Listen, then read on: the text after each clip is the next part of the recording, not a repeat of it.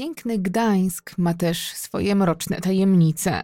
Najlepiej wie o nich Sara Lipner, policjantka, która przechadza się tymi ulicami i zagląda w te zakamarki, w które nikt o zdrowych zmysłach nie chce się zapuszczać. Teraz próbuje rozwiązać zagadkę śmierci swojego znajomego, a to, co odkrywa po drodze, jeży włos nawet na jej głowie, mimo że sama jest szalona i trudno ją zaskoczyć. Wbrew rozsądkowi ślady zostają, to doskonała seria kryminałów Agnieszki Pruskiej, które zabiorą was w podróż po tym mroczniejszym Gdańsku, a waszą przewodniczką będzie lekkomyślna, narwana i do bólu ludzka policjantka. Sara nieraz wpakuje siebie i czytelnika w niezłe kłopoty i nie da ani chwili na oddech. Jeżeli macie ochotę na kryminał osadzony w polskich realiach, w którym ciągle coś się dzieje, gdzie są mocne sceny i mocny język i gdzie nie wystarczy wam jeden tom, sięgnijcie koniecznie po tę serię. Obie książki znajdziecie w aplikacji do słuchania audiobooków i czytania e-booków BookBeat i możecie wysłuchać ich już teraz i to zupełnie za darmo. Wystarczy, że wejdziecie na stronę bookbit.pl i podczas rejestracji nowego konta użyjecie kodu HERING. Teraz dzięki temu otrzymacie aż 30 godzin darmowego słuchania do wykorzystania przez 45 dni, a to spokojnie wystarczy Wam, żeby przetestować aplikację. Sprawdźcie koniecznie opis tego filmu. Znajdziecie tam link z wpisanym już kodem Herring. Warto się pośpieszyć, bo oferta 30 godzin na 45 dni ważna jest do 10 września. Tymczasem razem z aplikacją BookBeat zapraszamy do wysłuchania najnowszego odcinka. Sprawa, o której dzisiaj opowiem, to bardzo współczesna historia. Historia o tym, jak popularność i sława może okazać się początkiem tragicznego scenariusza. W dzisiejszym odcinku opowiem o obsesji, która rozwijała się powoli i niezauważona przez nikogo. Opowiem też o historii sukcesu, ciężkiej pracy i ogromnych perspektywach, o prawdziwym talencie, który przegrał z chorą chęcią posiadania.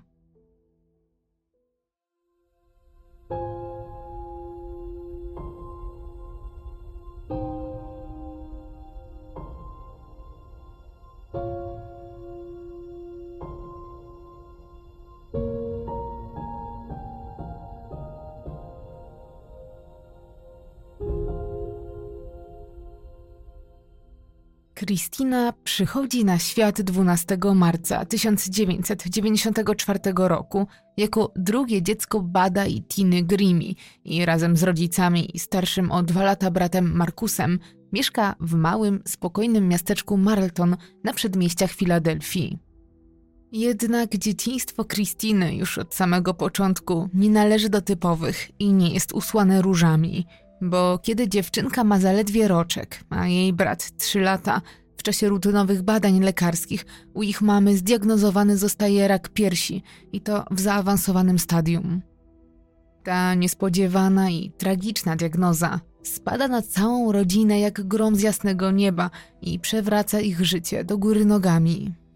Szczególnie tata rodzeństwa, Bad, musi znaleźć w sobie dużo sił, bo od tej pory Tina w szpitalu spędza znacznie więcej czasu niż w domu. Nawet kiedy już do niego wraca, jest wręcz wycieńczona agresywnym leczeniem i większość czasu po prostu spędza w łóżku. To właśnie na niego spada cała opieka nad malutkimi jeszcze dziećmi, co nie jest prostym zadaniem. Mama Kristiny i Markusa przez kolejne lata walczy z całych sił, aby pokonać chorobę, przez co życie rodzeństwa jest rozdarte między domem a szpitalem. Dzieci jeszcze nie rozumieją, jak poważna jest sytuacja i że rokowania w przypadku ich mamy są naprawdę fatalne. Kiedy Kristina ma 3 lata, a Markus 5, stan Tiny znowu się pogarsza, a ich tata staje przed trudnym zadaniem. Musi wytłumaczyć swoim dzieciom, że ich mama jest bardzo chora i że prawdopodobnie niedługo opuści ich na zawsze, ale że pójdzie do nieba i zamieszka tam razem z Jezusem. Mężczyzna jednak sam nie do końca wierzy w te słowa. Przez to, co właśnie go spotyka, jest w kryzysie swojej wiary, ale jako, że jego żona jest gorliwą katoliczką i wiara pomaga jej w walce z chorobą, postanawia przekazywać dzieciom ważne dla niej wartości i wychowuje je tak jak pragnie tego Tina w wierze chrześcijańskiej.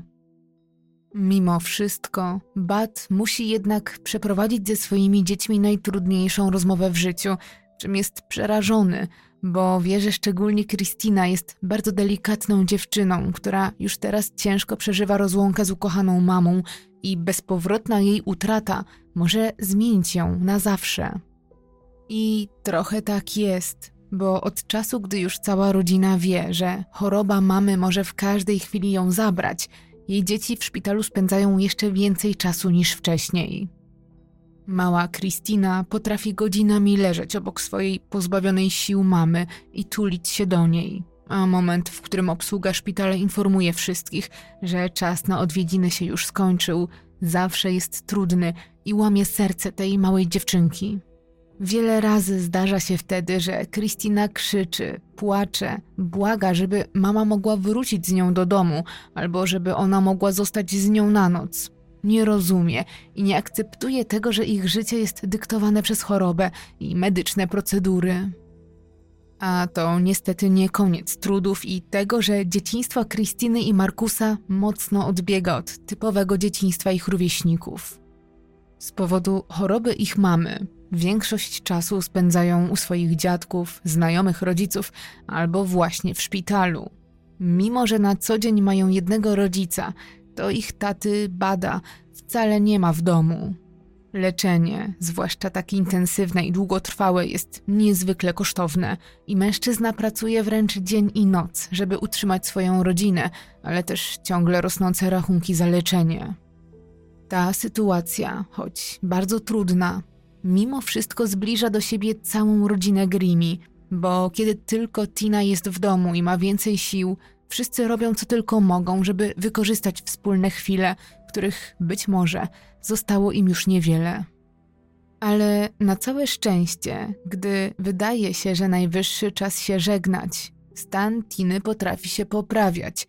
Wola życia kobiety jest ogromna, jej organizm jest też wciąż młody i silny, co sprawia, że choć wśród licznych wzlotów i upadków, jej walka z nowotworem od momentu diagnozy trwa już siódmy rok.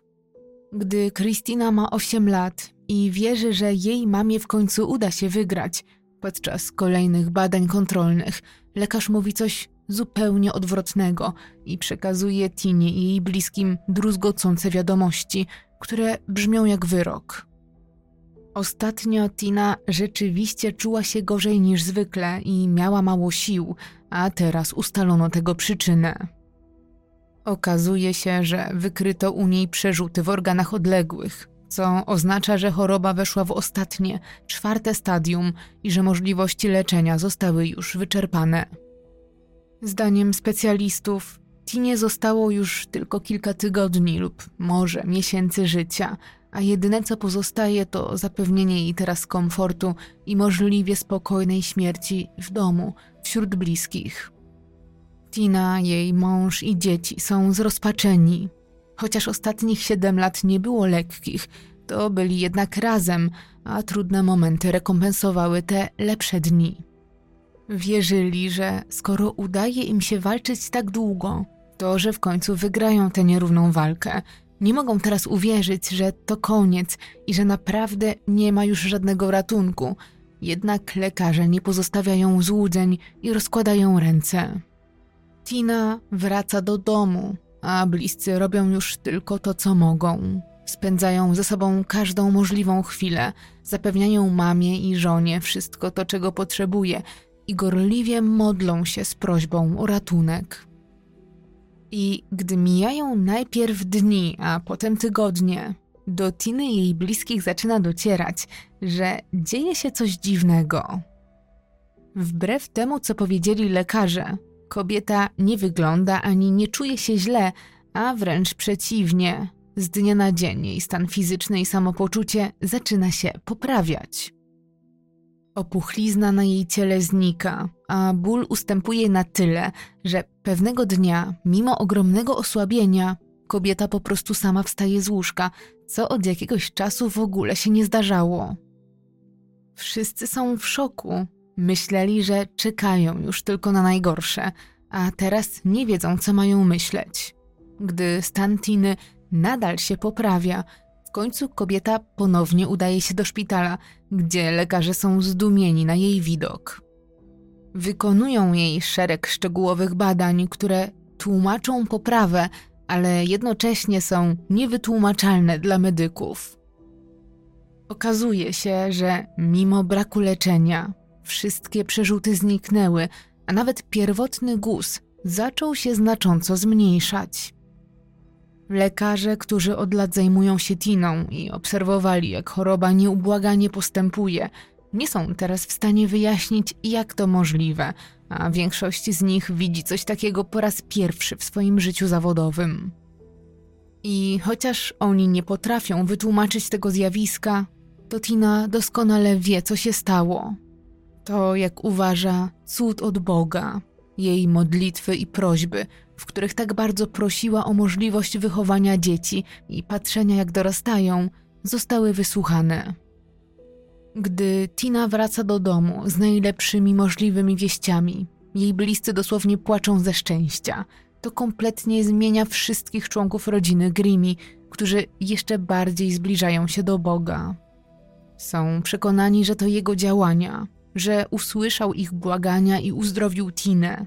Nawet Bat, który jeszcze niedawno przedstawiał się jako ateista, teraz nawraca się i staje się gorliwym katolikiem wielbiącym Jezusa, który uratował ich rodzinę.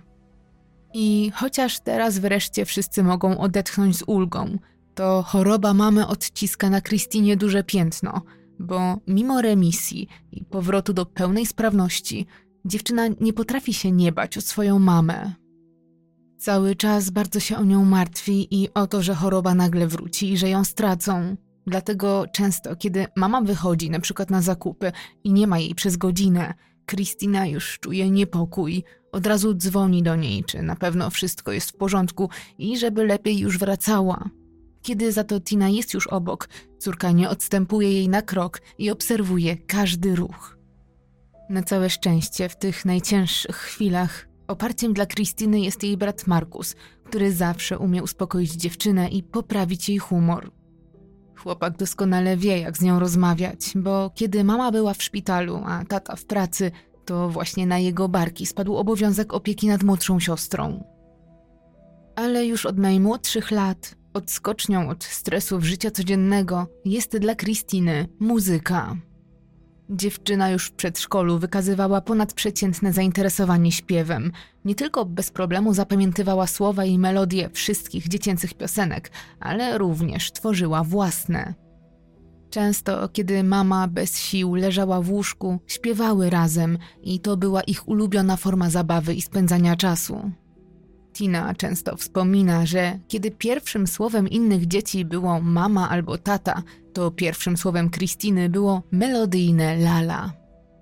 Widząc, że zapał Kristiny, który na przestrzeni lat wcale nie gaśnie, a wręcz przeciwnie, rodzice zaczynają inwestować w jej zainteresowanie muzyką i mimo, że w domu się nie przelewa, szczególnie z powodów wieloletniego, kosztownego leczenia, to w czwartej klasie podstawówki zapisują córkę na lekcję gry na pianinie i kupują używany keyboard, żeby mogła ćwiczyć w domu. Ale Kristina, mimo sporych chęci, nie umie grać z nut. Kompletnie nie potrafi nauczyć się ich odczytywać, ale zaskakujące jest to, że zdaje się, wrodzony talent pozwala jej ominąć tę przeszkodę, bo uczy się grać ze słuchu i to nie tylko na klawiszach, ale też na gitarze. Kristina spędza teraz mnóstwo czasu na nauce gry na instrumentach i chociaż jest w tym coraz lepsza, to jednak najważniejszym dla niej instrumentem jest jej głos. To śpiewanie przynosi jej najwięcej radości i satysfakcji, i teraz dziewczyna marzy o tym, żeby w przyszłości zostać piosenkarką.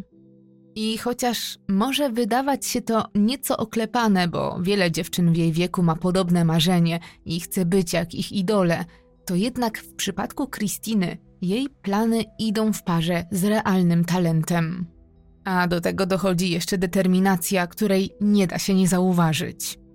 Nie ma dnia, żeby nie mówiła o swojej wymarzonej drodze zawodowej. Pewnego dnia zabiera nawet wszystkie płyty CD z kolekcji ojca i zamienia oryginalne okładki na nowe ze swoim nazwiskiem. W czwartej klasie podstawówki Christina razem z dwiema przyjaciółkami zakłada pierwszy zespół wokalny The Godly Girls. Dziewczyny spędzają teraz większość przerw w szkole na śpiewaniu, ale też odgrywaniu scenek z filmów i seriali. Mają też swoją rutynę i w weekendy spotykają się u Kristiny, gdzie śpiewają na maszynie do karaoke jej rodziców. Jak to nastolatki, nagrywają się też używając kamery VHS Bada, jednak robią to tylko na własny użytek i nigdzie tego nie publikują. Wręcz przeciwnie, muszą chować nagrania ze swoimi występami przed światem, bo Kristina jest ogromnym introwertykiem i sama myśl, że ktoś mógłby zobaczyć, jak śpiewa i tańczy, przyprawia ją o gęsią skórkę. Wycofanie i niepewność Kristiny wynika między innymi z tego, że w szkole nie cieszy się zbyt dużą popularnością i często jest niestety obiektem drwin. W czasie, kiedy jej rówieśniczki zaczynają się już malować i modnie ubierać, Kristina wciąż czuje się jeszcze bardziej dzieckiem niż nastolatką. Ubiera się według jej koleżanek ze szkoły infantylnie i wyraźnie dojrzewa wolniej. Wstydzi się też swojej figury pozbawionej jeszcze kobiecych kształtów, co również nie umyka uwadze złośliwym koleżankom. Przez to zakrywa sylwetkę szerokimi ubraniami, a przed każdymi zajęciami z WF-u przebiera się w toalecie. Kristina zdecydowanie nie jest popularna, ani nawet jakoś szczególnie lubiana poza wąskim gronem znajomych, w przeciwieństwie do swojego brata. Bo Markus jest bardzo popularną osobą w szkole. Gra w zespole, nosi dłuższe włosy i ubiera się w rokowym stylu. Jest też, w przeciwieństwie do swojej siostry, otwarty i wyjątkowo pewny siebie, a Kristina jest w niego wpatrzona. Chociaż blokuje ją jej temperament, to w głębi chce być taka jak jej starszy brat, który imponuje jej na każdej płaszczyźnie. To uczucie wzmaga fakt, że między rodzeństwem utworzyła się silna więź, a choroba mamy połączyła ich w wyjątkowy sposób. Mimo, że tak bardzo się różnią, to są nierozłączni, mówią sobie wszystko i spędzają ze sobą mnóstwo czasu. Często razem siadają na kanapie, Markus wyciąga gitarę i zaczyna grać, a Kristina śpiewać. Potrafią tak muzykować przez wiele godzin i świetnie się przy tym bawić.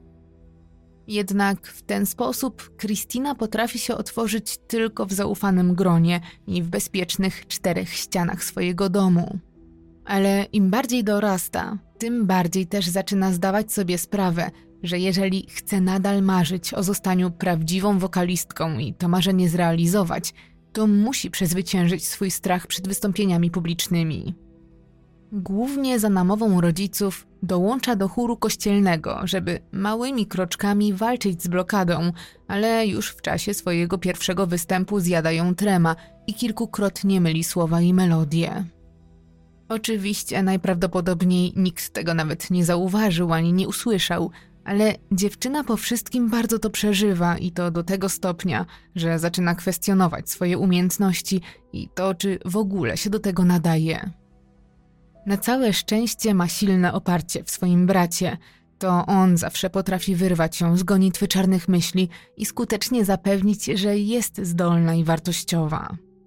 Także wspierają ją jej dwie przyjaciółki, które poświęcają Krystynie mnóstwo uwagi i cały czas starają się ją namówić na to, żeby absolutnie nie porzucała swoich marzeń o śpiewaniu.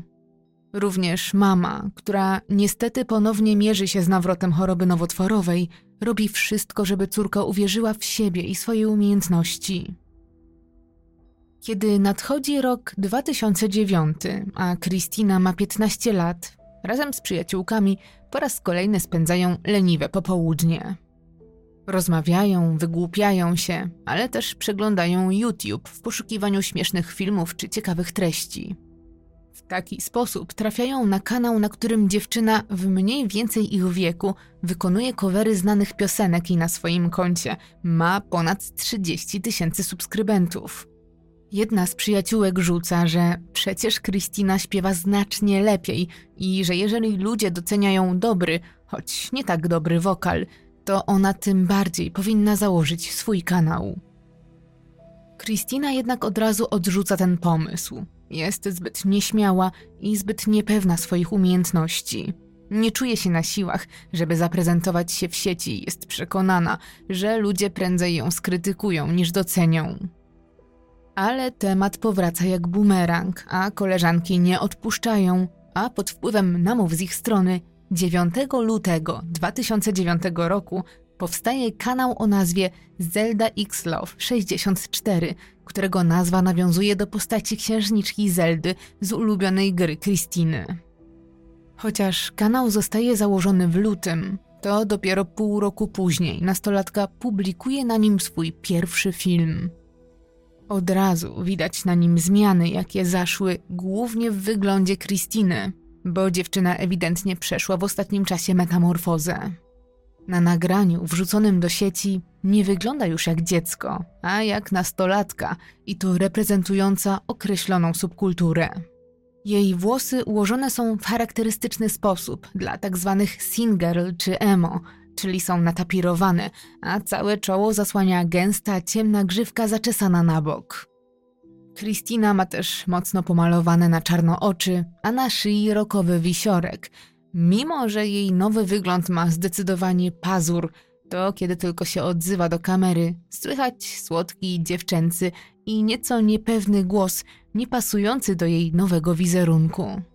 Na filmie Christina nieśmiało przedstawia się i asykuracyjnie z góry przeprasza za ewentualne błędy, po czym zaczyna grać na keyboardzie i śpiewać utwór Don't Wanna Be Torn ulubienicy nastolatków Hany Montany, czyli Miley Cyrus.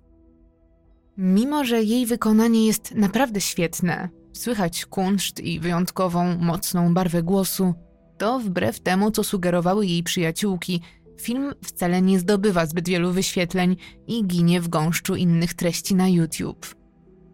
Christina jednak nie poddaje się. Dodaje swoją kolejną interpretację, tym razem utworu Dear Friend chrześcijańskiej wokalistki Stacy Orico, ale znowu nie udaje jej się wypłynąć na szerokie wody i jej nagranie widzi tylko garstka osób, chociaż pojawia się kilka bardzo miłych i budujących komentarzy, którymi Kristina chwali się nawet swoim rodzicom. Mama, chociaż mówi córce, że jest z niej dumna, to nie jest do końca przekonana, czy YouTube to bezpieczne miejsce. Boi się, że teraz przecież każdy może zobaczyć jej nastoletnią córkę, łącznie z kimś, kto może nie mieć dobrych zamiarów. Ostatecznie jednak widzi, że to Kristinie potrzebne i nie zabrania jej dalszego dodawania filmów. Po już drugim nieudanym podejściu, Christina nadal nie poddaje się i nagrywa kolejny, trzeci film, cover Party in the USA Miley Cyrus. Wieczorem wrzuca go do sieci i idzie spać, a rano jak zwykle rusza do szkoły. Kiedy jednak po zajęciach wraca do domu, od razu wręcz wystraszona biegnie do swojego taty i pokazuje mu swój komputer. Na jej mailu w skrzynce odbiorczej znajduje się kilkaset wiadomości od YouTube, a kiedy je usuwa, co chwilę pojawiają się nowe i nowe. Nie wie, co się dzieje, czy to jakiś błąd, a może wirus, ale po chwili, gdy analizują statą sytuację, oboje orientują się, że każdy z tych maili to powiadomienie, że pod jej nowym filmem pojawił się komentarz. Wtedy Kristina wchodzi na opublikowany kilkanaście godzin wcześniej film i doznaje szoku. Zaledwie przez jedną noc jej cover wysłuchało kilkadziesiąt tysięcy osób. W ciągu kolejnych tygodni film staje się wiralowym hitem. Obiega całe Stany, ale i świat i ogląda go ponad pół miliona osób. Kristina czuje się jak we śnie, zwłaszcza, że razem z ogromnymi wyświetleniami płynie do niej fala pozytywnych komentarzy. Ludzie chwalą jej głos, jej talent. Rzesze osób twierdzą, że jej wersja jest lepsza niż oryginał i że urodziła się, by być gwiazdą. Kristina z wypiekami odświeża swój film, ale w pewnym momencie nie nadąża za tym, co się tam dzieje, bo w zaledwie dwa tygodnie pod jej materiałem jest już kilkadziesiąt tysięcy komentarzy, w tym zdecydowana większość miła i pozytywna, chociaż zdarzają się też pojedyncze, złośliwe. Nastolatka zupełnie nie była przygotowana na aż taki odzew i zainteresowanie jej osobą, gdy na ogrom miłych wiadomości czyta tylko jeden paskudny komentarz, który uderza w jej wygląd, przepłakuje przez niego całą noc. Jej bliscy znowu muszą przypominać jej, że jest zdolna i cudowna i że poza jednostkami, które chcą jej tylko dopiec, ludzie kochają ją i naprawdę chcą jej słuchać. Cierpliwie tłumaczą jej, że nie może przejmować się jednym złym komentarzem i że nie może mieć on większej mocy niż dziesiątki tysięcy tych pozytywnych. W końcu Kristina zaczyna rozumieć, że mają rację i nabiera wiatru w żagle. Znowu dodaje kolejne nagrania, chociaż w kwestii ilości wyświetleń rosną już odrobinę wolniej, ale każdy z nich bez problemu osiąga pułap kilkuset tysięcy. Covery nastolatki szybko stają się fenomenem, a wokół jej kanału tworzy się duża społeczność oddanych fanek i fanów, którzy czekają na każdą jej kolejną muzyczną interpretację. Na pewno ogromny wpływ na to ma fakt, że Christina w pewnym sensie reprezentuje swoich rówieśników i nie przypomina wielkich gwiazd. Jest naturalna, nagrywa w swoim pokoju i przypomina koleżankę z klasy czy sąsiedztwa. Już na pierwszy rzut oka widać, że jest zwyczajną, pogodną i szczerą dziewczyną z talentem, który nigdy do tej pory nie wyszedł poza cztery ściany jej pokoju. To wszystko składa się na jej rosnącą popularność, a ogromne zainteresowanie materiałami Krystyny sprawia, że dziewczyna na dobre zaczyna rozwijać swój kanał. Tworzy coraz to nowe covery znanych wykonawców, takich jak Beyoncé, Lady Gaga czy Selena Gomez, ale też razem z przyjaciółkami tworzą cieszące się dużą popularnością skecze komediowe, gdzie odgrywają scenki, parodiują różne życiowe sytuacje. Krystynę zauważają też inni, nierzadko więksi od niej twórcy, z którymi tworzy wspólne filmy i powoli z tygodnia na tydzień staje się naprawdę popularną youtuberką. Gdy mija półtora roku, dziewczyna ma już 17 lat, a na swoim koncie udostępnionych 40 filmów. Kanał w ostatnich miesiącach urósł wielokrotnie i liczy teraz ponad pół miliona subskrybentów. To jednak nie jedyny sukces Krystyny, bo w tym czasie jej kanał zajmuje też drugie miejsce w konkursie My YouTube na najlepszego muzyka cyfrowego.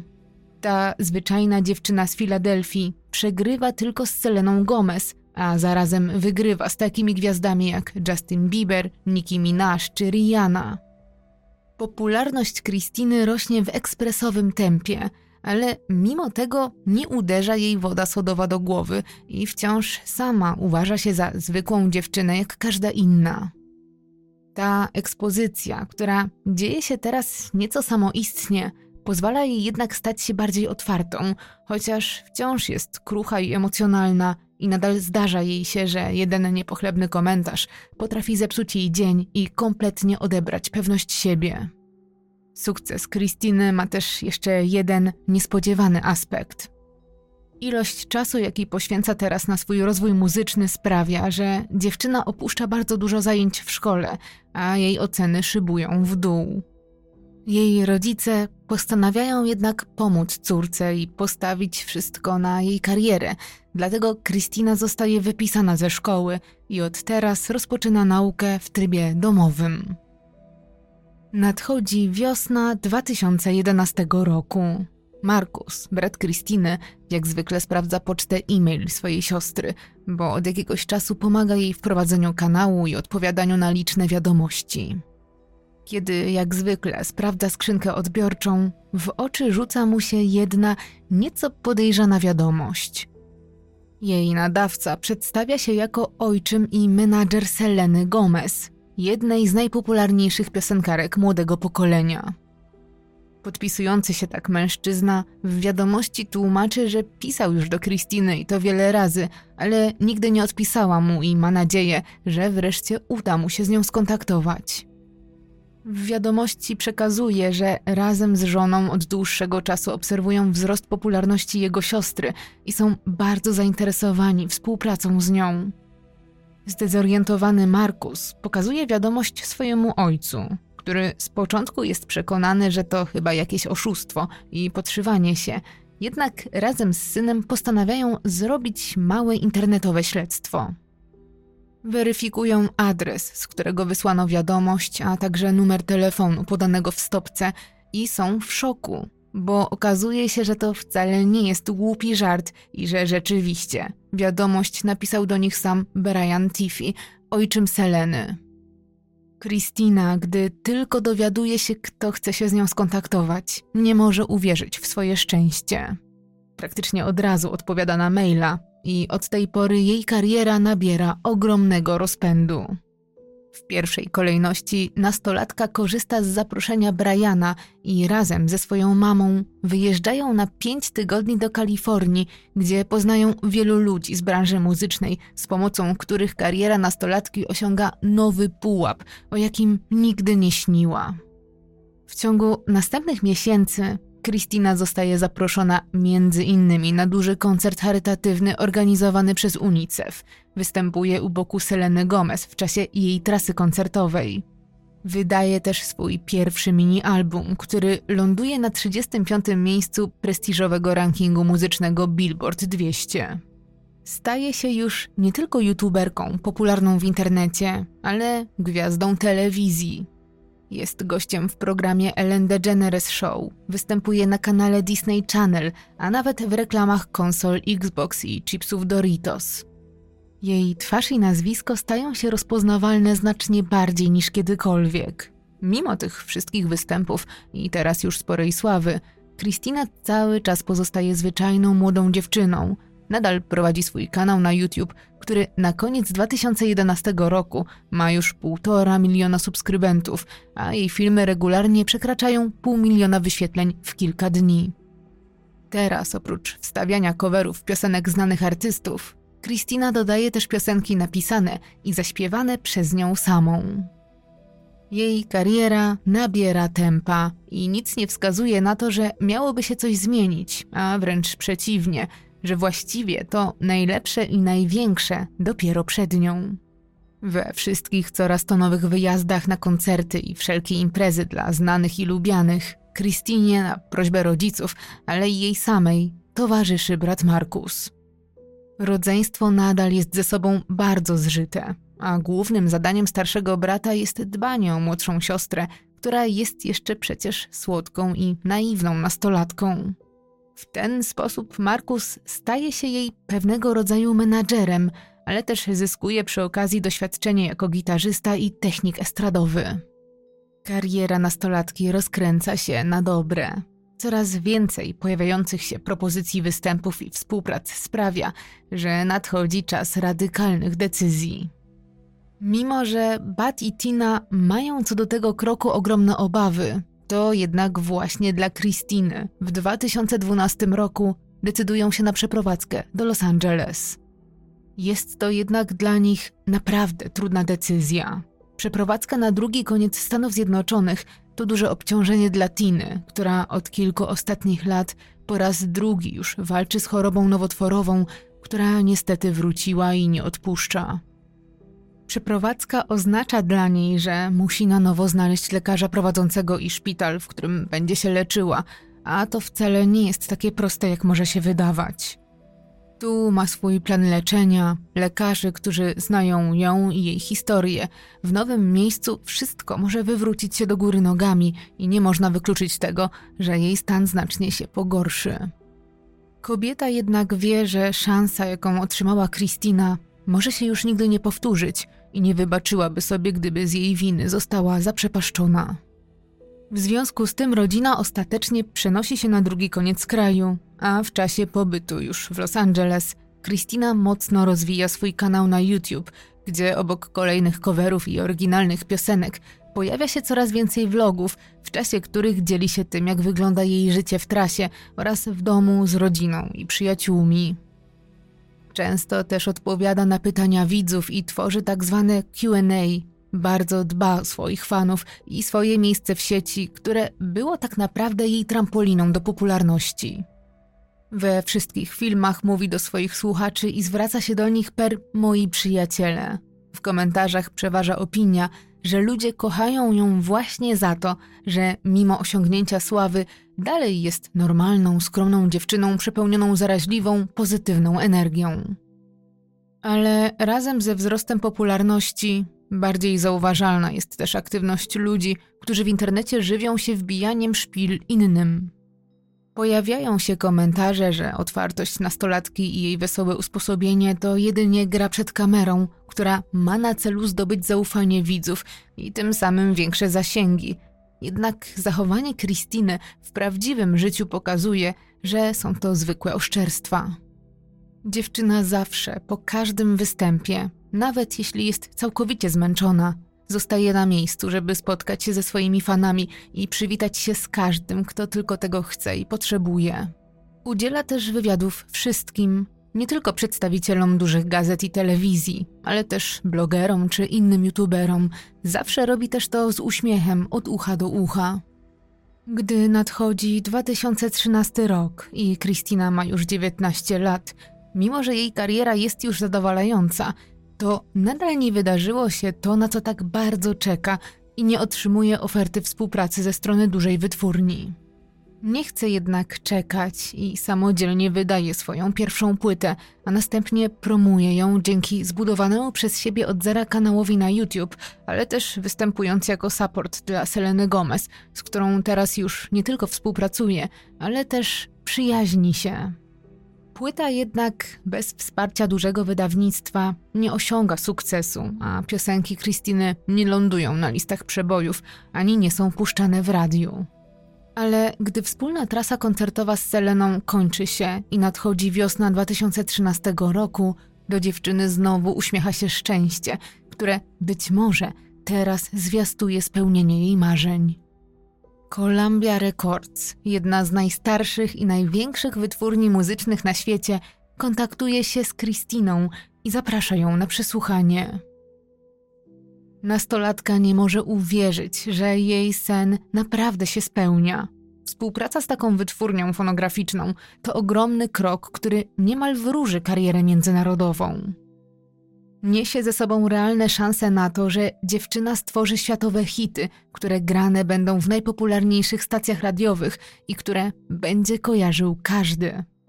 Tylko współpracując z tak dużą wytwórnią ma szansę zobaczyć swoje teledyski w telewizji i z supportu stać się tą główną gwiazdą, na której koncerty ruszą tłumy fanów.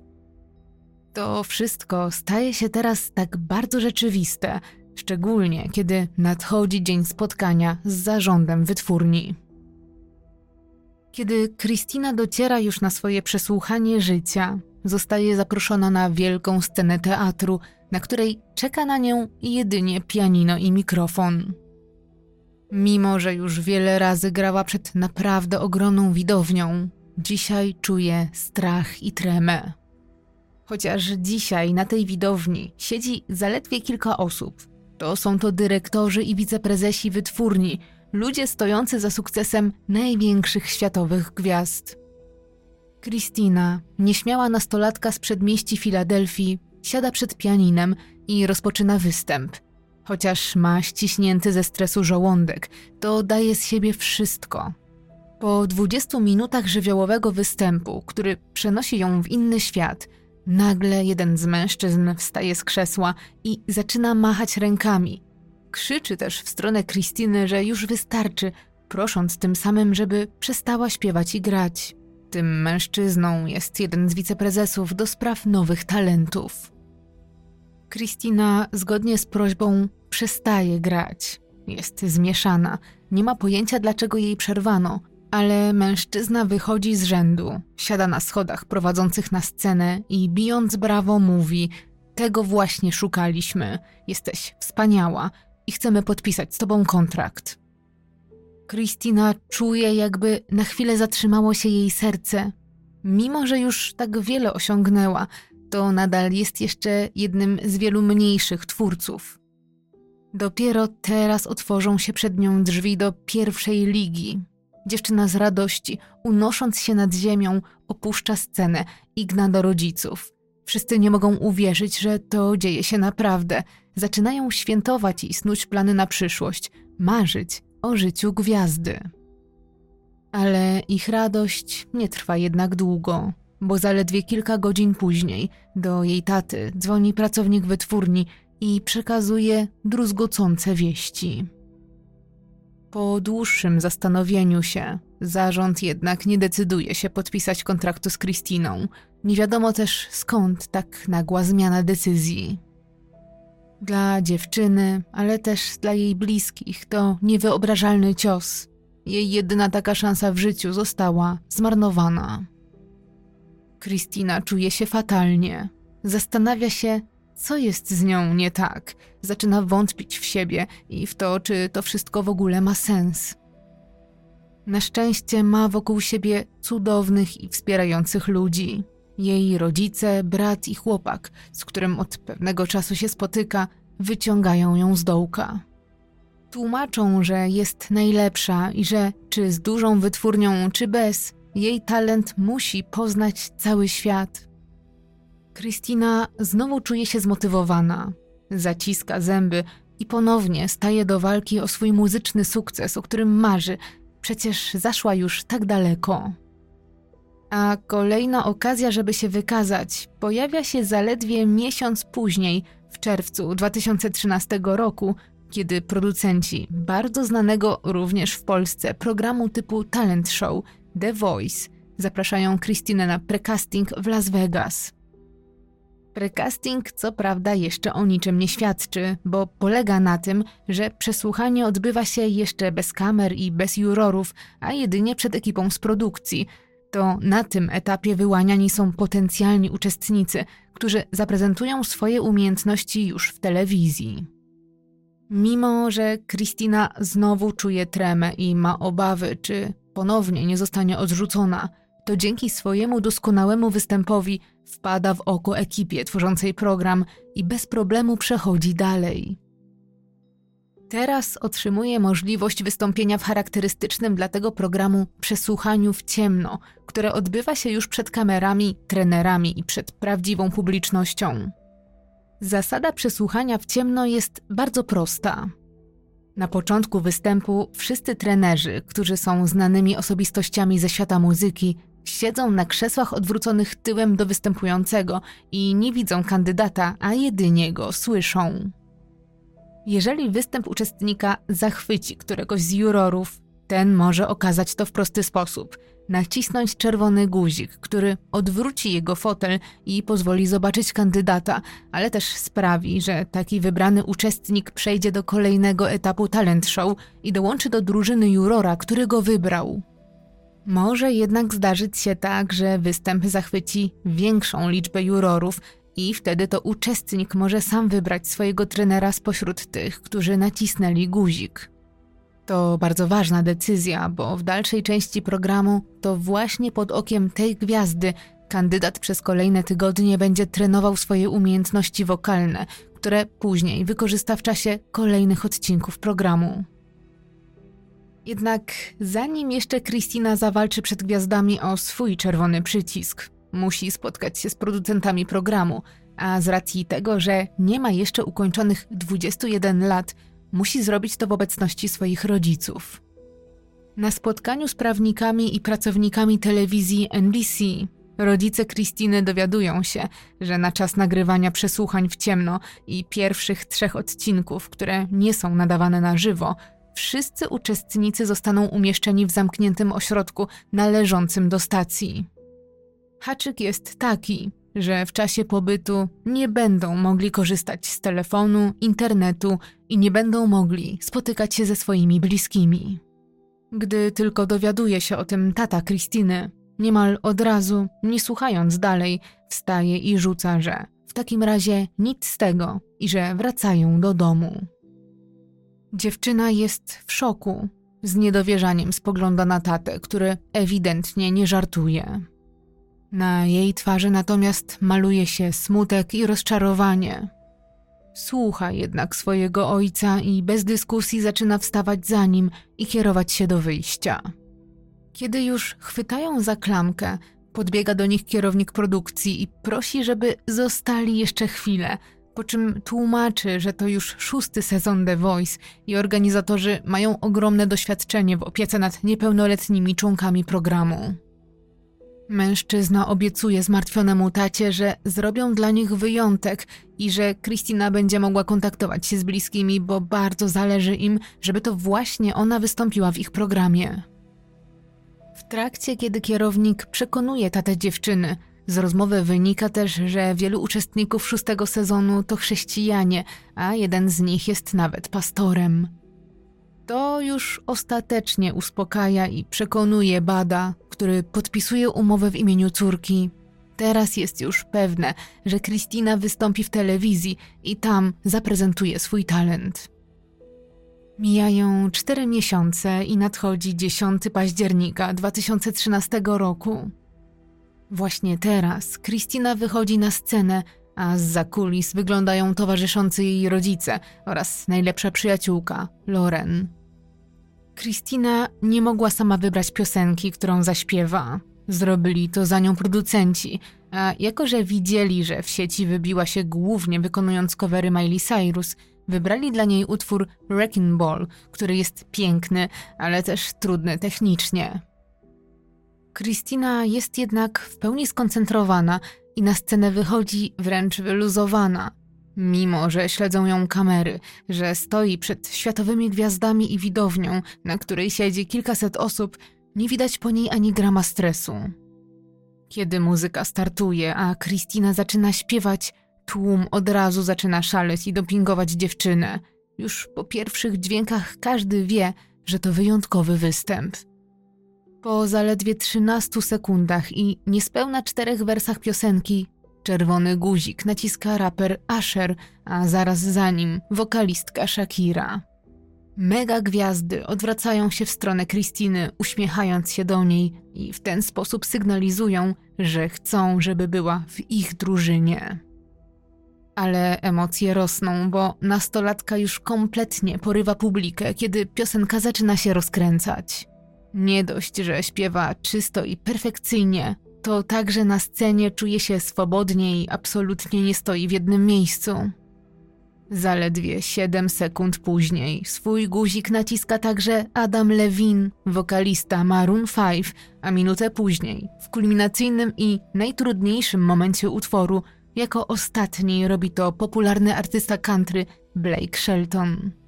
Wszyscy Pełen czteroosobowy skład jurorski jest zachwycony występem nastolatki i każdy z nich chce, by ta zwykła dziewczyna z Filadelfii dołączyła do ich drużyny wokalistów.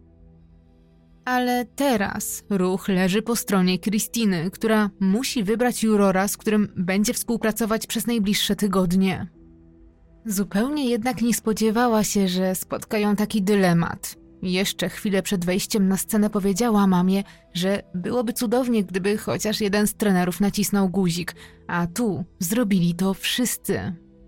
To rzadkość. Dzieje się tak tylko kilka razy w czasie trwania każdego sezonu The Voice, do którego zapraszanych jest zawsze stu kandydatów. Po zakończeniu występu przez kolejne dwie minuty to mega gwiazdy starają się przekonać dziewczynę, żeby wybrała właśnie ich, Najzacieklej między sobą walczą Shakira i Adam Levine, który pyta Kristinę, skąd czerpie swoją inspirację.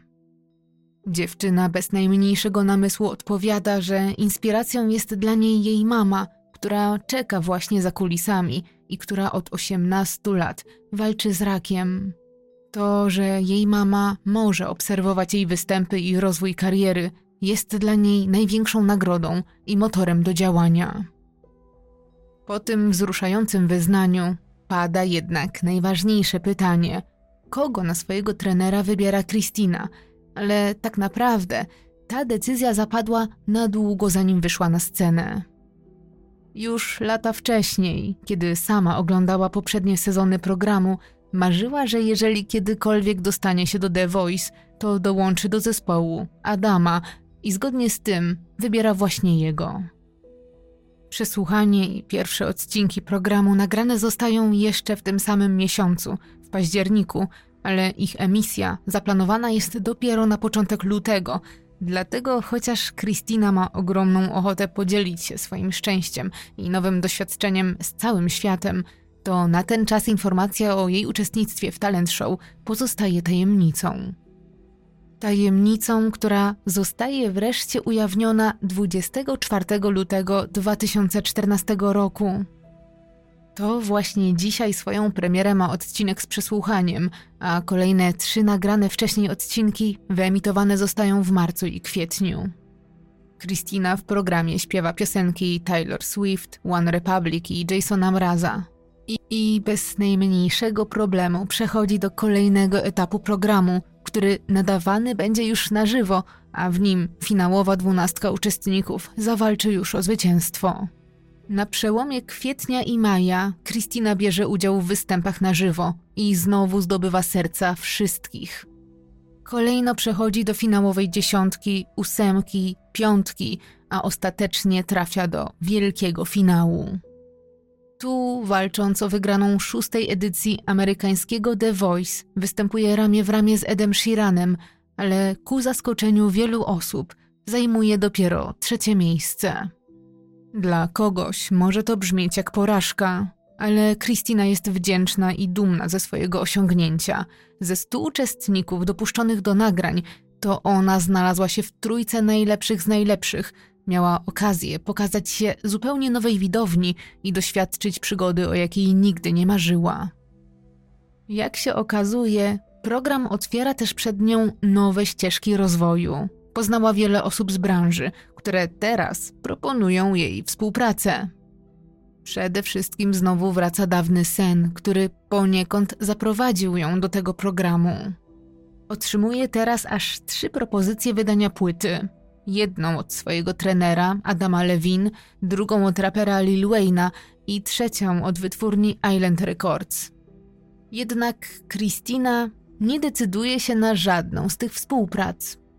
Chociaż to cudowne oferty, to nie są to wciąż wytwórnie, przy których naprawdę będzie mogła rozwinąć skrzydła i które dają gwarancję, że jej kolejny solowy album odbije się głośnym echem na całym świecie. W związku z tym, kolejne półtora roku Christina poświęca na budowaniu swojej marki, co wiąże się z tym, że jej czas wypełniony jest koncertami, występami na planach filmowych i przede wszystkim pracą nad nową płytą. I chociaż duża ilość zobowiązań sprawia, że dziewczyna prawie nie ma czasu dla siebie, a termin ukończenia płyty ciągle się przeciąga, to nie zapomina o swoich korzeniach i fanach na YouTube. I mimo, że robi to teraz rzadziej niż wcześniej, to wciąż publikuje covery i vlogi i stara się być w stałym kontakcie ze swoją społecznością, która na koniec 2016 roku, czyli po około 7 latach od założenia, liczy ponad 3 miliony subskrybentów. Nadchodzi czerwiec 2016 roku. Christina ma 22 lata i jest w trakcie swojej najnowszej trasy koncertowej razem z zespołem Before You Exit.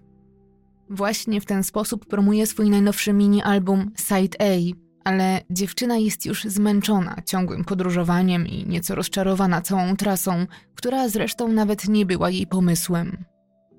Kiedy wspólnie z zespołem jadą na kolejny występ, w rozmowie telefonicznej ze swoim tatą żali się, że nie chce tu być i że doskwiera jej tęsknota. Chciałaby wrócić już do domu, spotkać się z nimi, z mamą, ale też z chłopakiem, którego ostatnio w ogóle nie widuje. Chce też wreszcie odpocząć w swoim łóżku, a nie w hotelowych pokojach i w końcu skończyć płytę, nad którą pracuje już prawie dwa lata. Pociesza ją jednak fakt, że dzisiejszy koncert w Orlando na Florydzie ma być ostatnim przed krótką przerwą. Bo po nim zaplanowała kilkudniowy odpoczynek, w czasie którego wreszcie poleci do domu w Los Angeles, zobaczy się z bliskimi i naładuje baterię. Ale spotkanie z rodziną to jednak nie jedyny powód, dla którego Christina tak czeka na kilkudniową przerwę, bo właśnie w tym samym czasie co jej mini urlop ma miejsce E3, czyli największe na świecie targi gier komputerowych, które niemal niezmiennie od 22 lat odbywają się właśnie w Los Angeles. E3 w tym roku jest wyjątkowo ważne dla Christiny, bo w pierwszy dzień targów Nintendo ma zaprezentować najnowszą odsłonę gry Legend of Zelda, serii, która towarzyszy Christinie w zasadzie od najmłodszych lat jest jej ulubioną grą, która była nawet inspiracją dla nazwy jej kanału YouTube Zelda X Love 64. Wokalistka wreszcie zregeneruje się w domu przy bliskich, ale też nareszcie się rozerwie. Długo wyczekiwane wolne jest coraz bliżej. Jest 10 czerwca i dzień ostatniego koncertu przed przerwą. Około południa autokar Krystyny i jej zespołu podjeżdża pod The Plaza Live w Orlando. W czasie, kiedy ekipa techników zaczyna rozpakowywać sprzęt, Krystyna razem ze swoim bratem Markusem, który zawsze towarzyszył jej podczas koncertów i już na całego pełni rolę jej menadżera, biegną na pizzę, żeby zdążyć coś zjeść.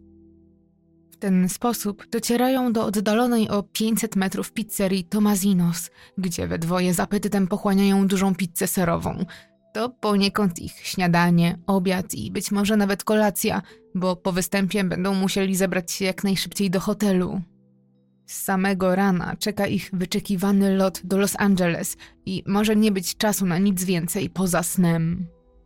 Jeszcze w trakcie jedzenia, Christina za pośrednictwem swoich mediów społecznościowych zaprasza wszystkich swoich fanów z Orlando i okolic na koncert oraz na krótkie spotkanie, gdzie zamieni z fanami kilka słów i rozda autografy po zakończonym występie. Ten ostatni dzień pracy mija ekspresowo, głównie na przygotowywaniu się do występu. Technicy i muzycy mają ręce pełne roboty i jak zwykle przed każdym występem wszystko toczy się w atmosferze bieganiny i niekończących się przygotowań. Ale w końcu, gdy wybija dwudziesta, wszystko jest już gotowe, a sala pełna ludzi. Rozpoczyna się koncert, który trwa kolejne dwie godziny, a w czasie nich Kristina jak zawsze daje z siebie 110%. Mimo, że wokalistka jest zmęczona trasą i już tylko marzy o tym, żeby wrócić do domu, nie daje ani trochę odczuć tego swoim fanom. Do swojej pracy przykłada się zawsze najlepiej, jak tylko potrafi, a na koniec jeszcze zaprasza wszystkich na tak zwane meet and greet, w czasie którego każdy może zamienić z nią dwa słowa i zrobić sobie wspólne zdjęcie.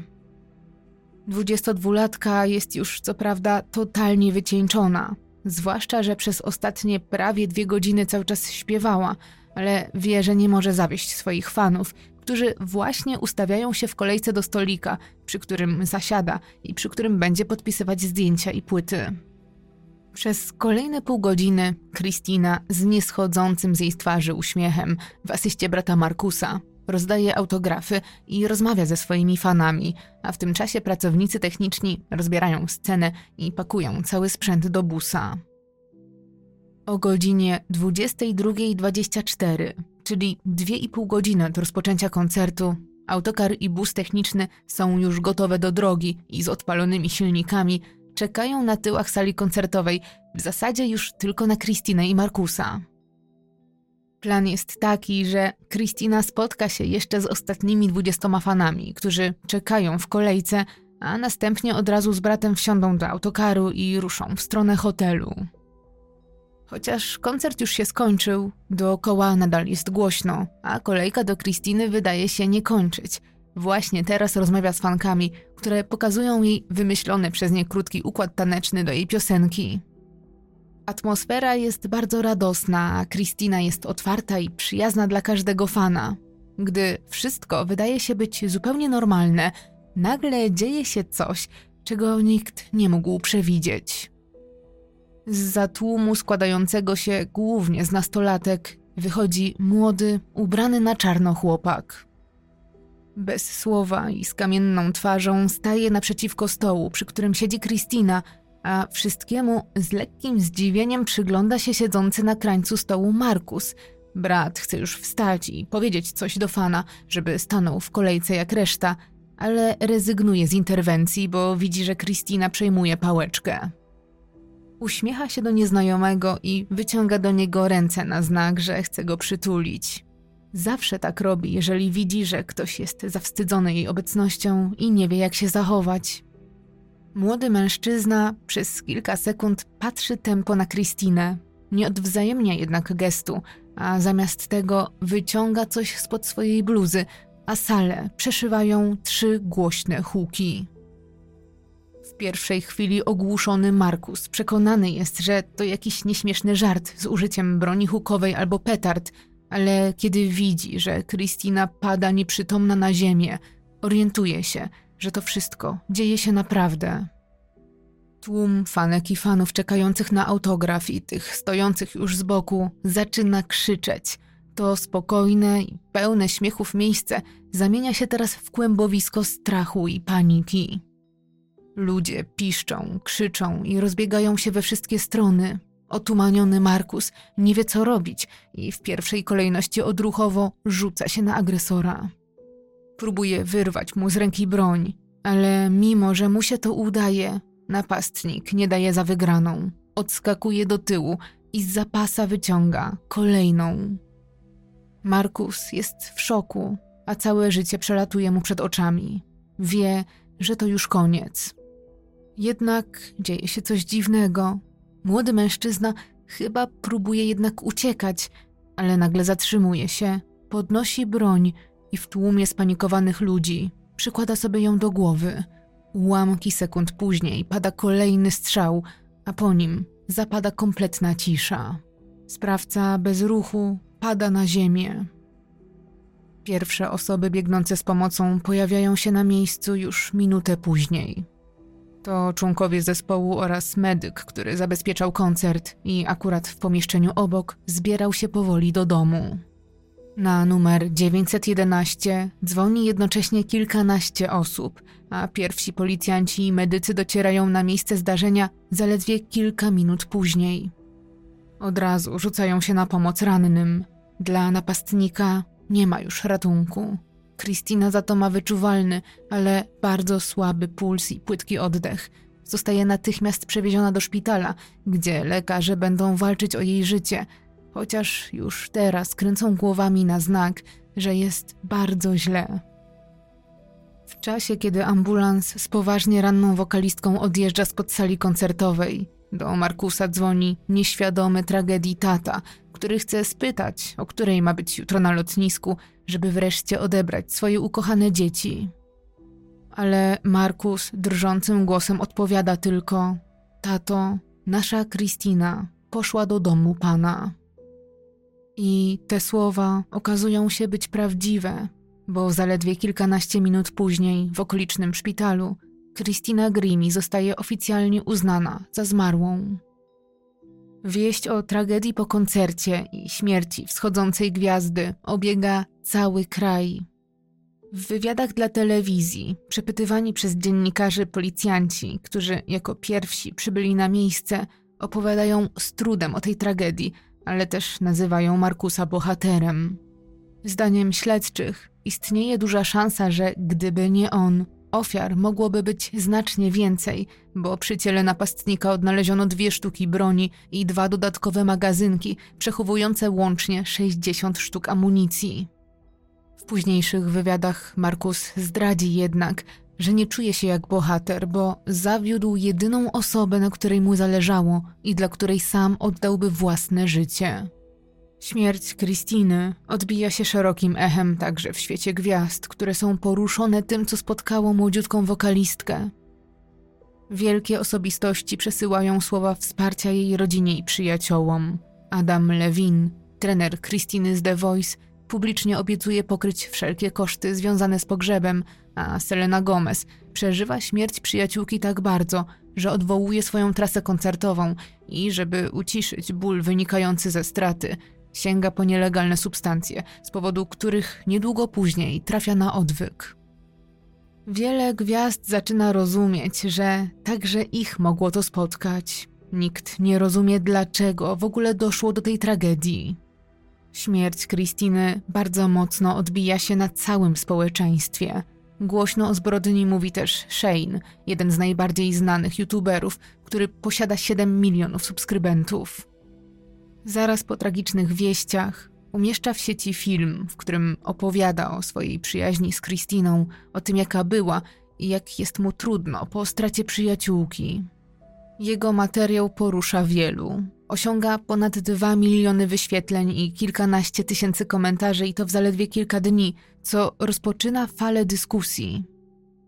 Właśnie na tej fali powstaje też kampania GoFundMe, odpowiednik pomagam.pl, na której fani zbierają aż 170 tysięcy z planowanych zaledwie 4 tysięcy dolarów, które mają zostać przeznaczone na pogrzeb i pomoc psychologiczną i prawną dla rodziny. Wszyscy jednak zadają sobie jedno i to samo pytanie: dlaczego do tego doszło? Kim jest sprawca i z jakiego powodu zaatakował Kristinę? Dziewczynę, która stała u progu kariery, która dla wszystkich zawsze była uprzejma i serdeczna, która nie miała żadnych wrogów i poświęciła wszystko, żeby spełniać swoje marzenia. Zanim jednak zdążą pojawić się chociaż szczątkowe odpowiedzi na te liczne pytania, to zagłuszone zostają przez inne. Jak się okazuje, morderstwo Christiny w klubie The Plaza Life to nie jedyna zbrodnia, jaka wstrząsa teraz Orlando. Zaledwie dwa dni później, w oddalonym o około 10 minut jazdy samochodem klubie Puls, dochodzi do kolejnej tragedii. Znowu napastnik sięga po broń w tłumie ludzi i pozbawia życia aż 49 osób, a 58 kolejnych poważnie rani. To wydarzenie w pewnym sensie odwraca uwagę od odejścia Kristiny. Sprawa ataku na nią zostaje niemal natychmiast porzucona przez media i od teraz w prasie i telewizji mówi się tylko o dramacie w klubie Puls.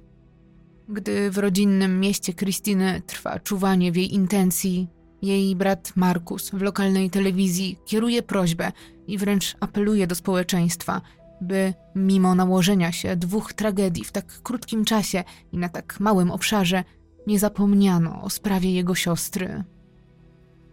Jest 16 czerwca 2016 roku. To sześć dni po ataku. W rodzinnym New Jersey, 1600 km od Orlando na Florydzie i niecałe 5000 km od Los Angeles, który przez ostatnie lata Christina nazywała domem, jedynie w gronie rodziny i jej najbliższych przyjaciół odbywa się ostatnie pożegnanie wokalistki. Dopiero następnego dnia, 17 czerwca, w okolicznej świątyni odbywa się publiczna msza i czuwanie, na którą przybywa tak wiele osób, że rodzice i brat Kristiny przyjmują od nich kondolencje przez ponad pięć godzin.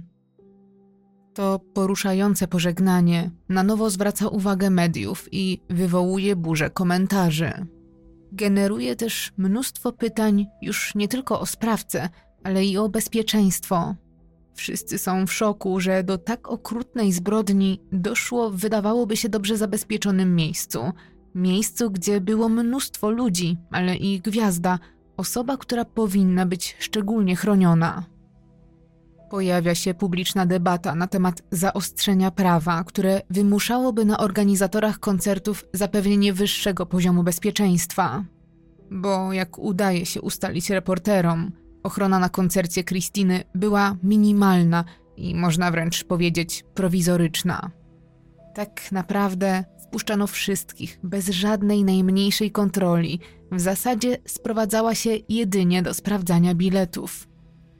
Nie było też wykrywaczy metali, a sama obsada ochroniarska liczyła niewielu pracowników, którzy nie mieliby nawet fizycznej możliwości obstawić tak dużego wydarzenia. W mediach głos zabiera frontman znanego zespołu heavy metalowego Pantera, Rex Brown, który przypomina sprawę z klubu nocnego w Columbus w stanie Ohio z 2004 roku, w którym zginął gitarzysta z jego zespołu i trzech fanów. Rex znowu nawołuje do zaostrzenia prawa, aby chociaż spróbować powstrzymać, jak ich nazywa, wymachujących bronią fanatyków i psycholi chodzących na koncerty. Ludzi zaburzonych, ale też niekontrolowanych przez nikogo. Swój dosadny wywód kończy słowami, że niestety, jak widać, od 2004 roku nic w tym temacie nie zrobiono i kolejna wschodząca gwiazda musiała zapłacić za to życiem. Sprawa Kristiny i publiczna debata znowu króluje w mediach, szczególnie, że pojawiają się pierwsze doniesienia o sprawcy i jego motywie. Dziennikarze rozpisują się, że być może była to zbrodnia na tle religijnym, bo Kristina była oddaną katoliczką, często o tym wspominała i mogła kogoś tym zezłościć.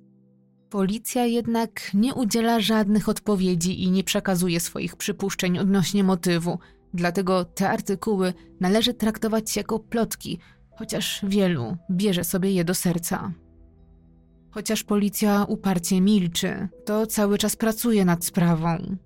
Śledczym bardzo szybko udaje się ustalić personalia napastnika, bo w kieszeni jego kurtki znajdują m.in. jego portfel. Sprawcą okazuje się być pochodzący z oddalonego o 200 km miasta St. Petersburg 27-letni Kevin Loibl. Na pozór zwyczajny, młody mężczyzna, może nieco zamknięty w sobie, który nigdy nikomu nie zrobił krzywdy, a co najbardziej istotne, nawet nie znał się z Krystyną. Dlaczego więc pociągnął za spust? Dlaczego pojawił się na jej koncercie i zrobił jej krzywdę? W ciągu kolejnych tygodni śledczy przesłuchują jego rodzinę, znajomych i pracodawcę. Odtwarzają też ostatnie dwa dni jego życia, ale i ostatnie lata, co tworzy spójną i przerażającą historię, pokazującą jak ekstremalnie wysoka może być cena sławy. Jest czerwiec 2015 roku. To rok przed tragedią. Kevin to stroniący od ludzi i spotkań towarzyskich odludek. Pracuje na część etatu w Best Buy, największym amerykańskim wielkopowierzchniowym sklepie RTV AGD. Jest tu człowiekiem z tak zwanego geek składu, czyli nie pracuje jako typowy doradca, a bardziej pomaga klientom przy naprawie i pielęgnacji laptopów, telefonów, instaluje oprogramowanie czy dodatkowe urządzenia. Żyje też według utartego schematu. Wstaje rano, idzie do pracy, gdzie raczej trzyma się na uboczu i nie nawiązuje znajomości ze współpracownikami. Przez większość dnia w ciszy skupia się na swoich zadaniach, po czym po pracy udaje się do sklepu po jedzenie i wraca do domu. W domu, w którym mieszka tylko z ojcem i braćmi, znowu unika kontaktu z kimkolwiek.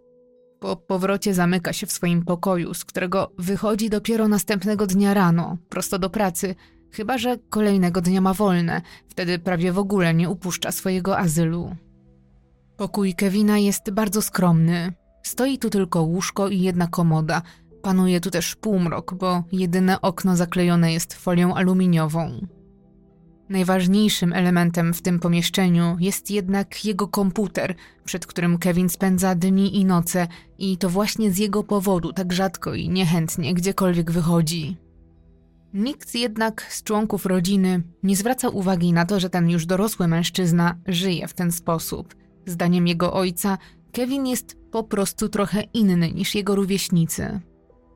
W końcu też nikomu nie wadzi swoim zachowaniem, chodzi do pracy, w jego otoczeniu już od dawna nikt nie próbuje nawet zmieniać jego nawyków.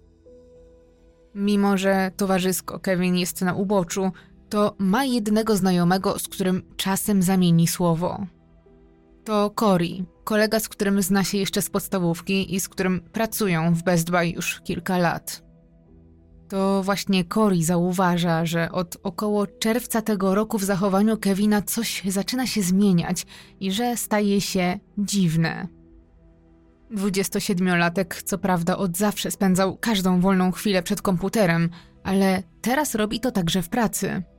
Od niedawna przerwy mijają mu na oglądaniu filmików na YouTube, a czasem zaczyna je oglądać nawet wtedy, kiedy wcale nie ma przerwy i kiedy powinien wykonywać swoje zadania. W pewnym momencie przestaje się nawet z tym jakoś szczególnie kryć, na czym zresztą wielokrotnie przyłapuje go kierownik. W związku z tym zostaje pouczony i to kilka razy, ale nic to nie zmienia, bo Kevin nadal mnóstwo czasu spędza na YouTubie. Jest w tym jednak jeszcze coś dziwnego, bo Kevin wcale nie wyszukuje tam coraz to nowych treści, co może trochę mogłoby tłumaczyć, dlaczego tak bardzo nie widzi świata poza tym portalem. Bo okazuje się, że ze swojego konta subskrybuje tylko jeden kanał Zelda X Love 64, kanał Christiny Grimi. To zresztą nie wszystko, co niepokoi szczególnie Koriego, który ogląda to wszystko z boku. Przyjaciel zauważa, że jego znajomy ogląda na YouTubie filmy młodej wokalistki i to non-stop, a niektóre nawet po kilkanaście razy dziennie, na czym zostaje też wielokrotnie przyłapany, czy przez swojego znajomego, czy innych współpracowników. Dla wielu jest to oczywiście idealny powód do robienia sobie żartów z wycofanego kolegi. W zasadzie to większość wyśmiewa go i nabija się z jego dziwnego zainteresowania, ale Kevin tłumaczy się, że Christina to tak naprawdę jego dobra znajoma, z którą często po pracy grają w gry i że po prostu się z nią zna i że jej kibicuje. Oczywiście nikt mu w to nie wierzy, zresztą słusznie, bo jest to zwyczajne kłamstwo. W ciągu kolejnych miesięcy niewinna fascynacja uroczą wokalistką zamienia się w całkowitą obsesję. Kevin z dnia na dzień kompletnie traci kontakt z rzeczywistością.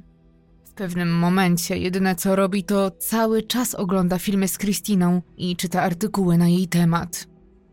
Robi to nie tylko cały dzień w pracy, ale również całe popołudnie. Czasem też w ogóle nie śpi i przegląda od nowa i od nowa wszystkie publikacje na temat dziewczyny. Kevin staje się obserwatorem. Ciągle czeka na nowy film, nowy znak, nową informację, ale mimo obsesji na punkcie Krystyny, nigdy nie angażuje się ponad obserwowanie i nigdy na przykład nie wysyła do niej nawet jednej anonimowej wiadomości. Mało tego, nawet nigdy nie pisze żadnego komentarza pod jej filmem lub artykułem na jej temat, który i tak zginąłby w gąszczu wielu innych. Kristina nie ma więc pojęcia o jego istnieniu. Nie wie, że gdzieś tam, kilkaset kilometrów dalej jest ktoś, kto ma na jej punkcie obsesję. I mimo tego, że jego idolka nawet nie ma jak na niego zareagować, to i tak w głowie Kevina rodzi się chory plan – 27-latek wierzy, że Kristina zakocha się w nim i zostanie jego partnerką, ale żeby to się wydarzyło, musi zmienić swój wygląd i to całkowicie wygląd, z którego zupełnie nie jest zadowolony. Żeby stać się, w jego mniemaniu, idealnym partnerem dla Kristiny, Kevin zapisuje się na siłownię. Zaczyna się też odchudzać, bo ma kilka ponadprogramowych kilogramów. Podobnie jak jego idolka rezygnuje ze wszystkiego, co jest pochodzenia zwierzęcego i staje się weganinem. A to nie koniec jego metamorfozy. Kevin wybiela też swoje zęby, zapisuje się na laserową korekcję wzroku, żeby na dobre porzucić okulary, a gdy nadchodzi wiosna 2016 roku, wydaje większość swoich oszczędności i przeszczepia sobie włosy. To wszystko ma konkretny cel Chce wyglądać jak z okładki, gdy już wreszcie pozna Kristinę. W jego głowie pisze się scenariusz, w którym staje przed nią, a ona zakochuje się w nim i to od pierwszego wejrzenia. A kiedy już potem poznaje go lepiej, dowiaduje się, że są bratnimi duszami, bo Kevin przewartościowuje swoje życie tak, by było zbieżne z wartościami swojej ukochanej wokalistki. Staje się wręcz jej lustrzanym odbiciem – a jako, że Kristina jest osobą publiczną, ma w tym kierunku ułatwione zadanie, bo wie o niej wszystko dzięki licznym wywiadom dostępnym w sieci czy prasie. Całą metamorfozę i pogłębiającą się obsesję obserwują wszyscy znajomi z pracy Kevina. Nikt jednak nie reaguje, bo nikt nie myśli nawet, że to, co się dzieje, może mieć poważne konsekwencje. Zamiast tego wszyscy poza Korim szydzą z niego i wyśmiewają się, kiedy z pełnym przekonaniem Kevin opowiada im, że już niedługo Christina Grimi zostanie jego dziewczyną, a że za jakiś czas wezmą ślub. Jedynie Cory próbuje jakkolwiek zrozumieć swojego przyjaciela i mu pomóc – Cały czas stara się uświadomić Kevinowi, że jego plany nie mają najmniejszej szansy na powodzenie i że ewentualne spotkanie z Kristiną może okazać się dla niego w najlepszym wypadku bolesnym rozczarowaniem, a w najgorszym w areszcie. Kevin nie chce jednak tego słuchać. Widzi w tych dobrych radach kolegi spisek i intrygę. Pewnie zazdrości mu albo wcale nie życzy mu dobrze w ataku złości. Grozi nawet Koriemu, że jeżeli nie przestanie go odwodzić od planu wzięcia ślubu z Kristiną, jego jedyną i prawdziwą miłością, to ich przyjaźń zostanie zakończona.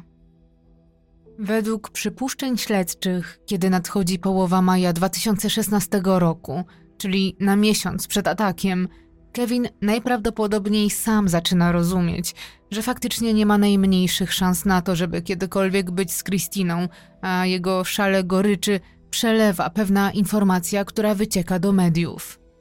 Na światło dzienne wychodzi, że wokalistka już od dłuższego czasu jest w szczęśliwym związku z producentem muzycznym Stevenem Rezą. To wtedy w Kevinie rodzi się złość, a w jego głowie najokrutniejszy plan. Dochodzi do wniosku, że jeżeli on nie może jej mieć, to nikt nie będzie jej miał. Jest 25 maja 2016 roku. Kevin wsiada na rower i jedzie do pobliskiego sklepu z bronią, gdzie jako niekarany, pełnoletni obywatel bez problemu może zamówić dowolny sprzęt i odebrać go po kilku dniach. Nie może zrobić tego od ręki, bo sprzedawca musi najpierw zgłosić prośbę o zakup na policję, aby ta sprawdziła akta zainteresowanego i w ten sposób zweryfikowała, czy może ją otrzymać.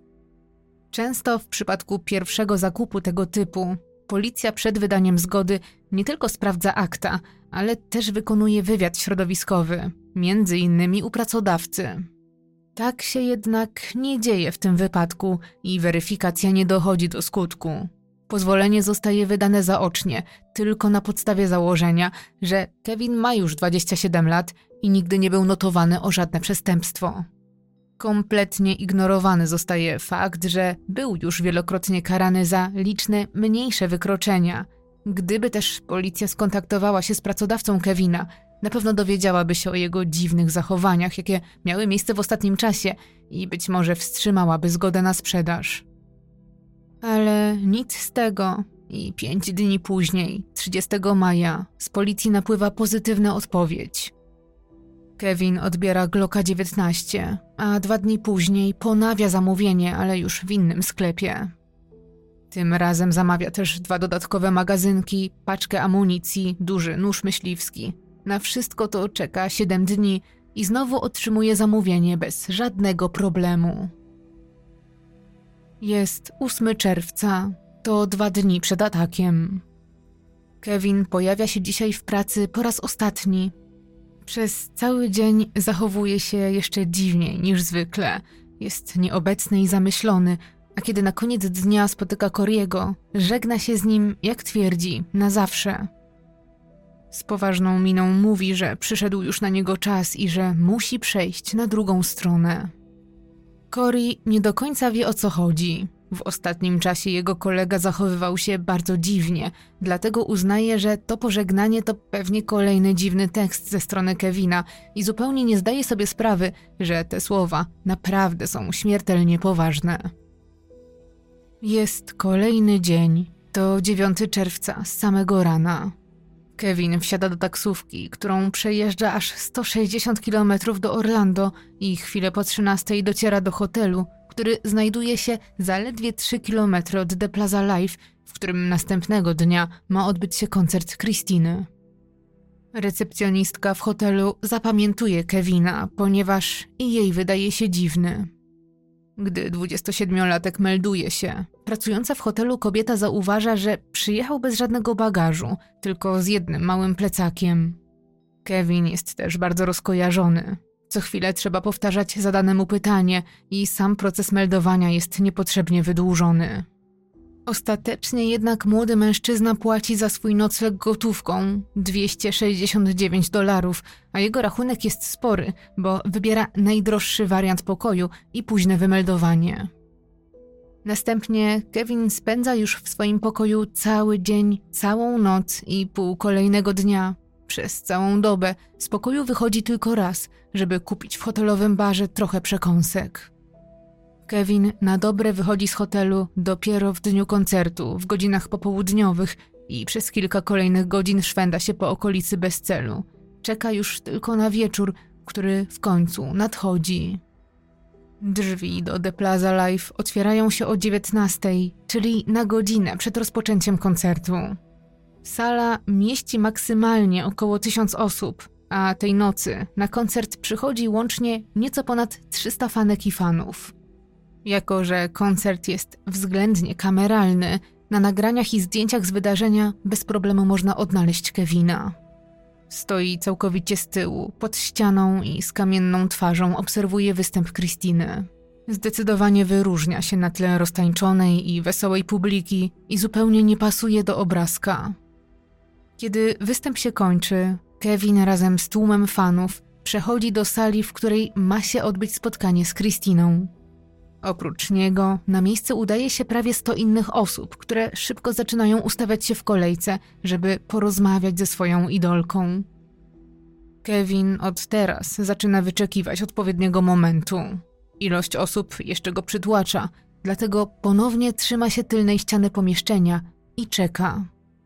Kiedy tłum maleje już do zaledwie dwudziestu kilku osób, nie wytrzymuje i żwawym krokiem zaczyna kierować się w stronę stolika Kristiny, a na jego drodze próbuje stanąć Markus, który jest zdenerwowany tym, że zniecierpliwiony fan najwyraźniej postanowił ominąć kolejkę. Ale Kristina momentalnie uspokaja swojego brata. Nie chce, żeby ten miły wieczór zakończył się niepotrzebnym spięciem. Gdy Kevin staje przed nią i zastyga w bezruchu, wokalistka wstaje ze swojego krzesła i wyciąga do niego ręce, jakby chciała go przytulić. Kevin jednak nie reaguje. W tych ułamkach sekund patrzy jej głęboko w oczy. To właśnie ten moment, na który tak długo czekał. W końcu, tak jak marzył miesiącami, stoi tu przed miłością swojego życia i na dodatek ma jej pełną uwagę. Może też powiedzieć teraz wszystko, że ją kocha, że chce, żeby byli już zawsze razem, może się nawet do niej przytulić, co sama zainicjowała. Ale nic takiego się nie dzieje. Kevin nie wypowiada żadnych słów, nie okazuje żadnego przyjaznego gestu. Zamiast tego sięga po broń i oddaje w głowę i klatkę piersiową Kristiny, łącznie trzy strzały, po czym rzuca się do ucieczki. Na jego drodze staje jednak przerażony Markus. Między mężczyznami dochodzi do szamotaniny, ale Kevinowi udaje się wyrwać. Kiedy ponownie próbuje rzucić się do ucieczki, na jego drodze staje już jeden z ochroniarzy zaalarmowany hukiem i krzykami. Najprawdopodobniej wtedy, o ile nie było to od początku częścią planu, widząc, że jego szanse na ucieczkę spadły niemal do zera, Kevin decyduje się odebrać sobie życie.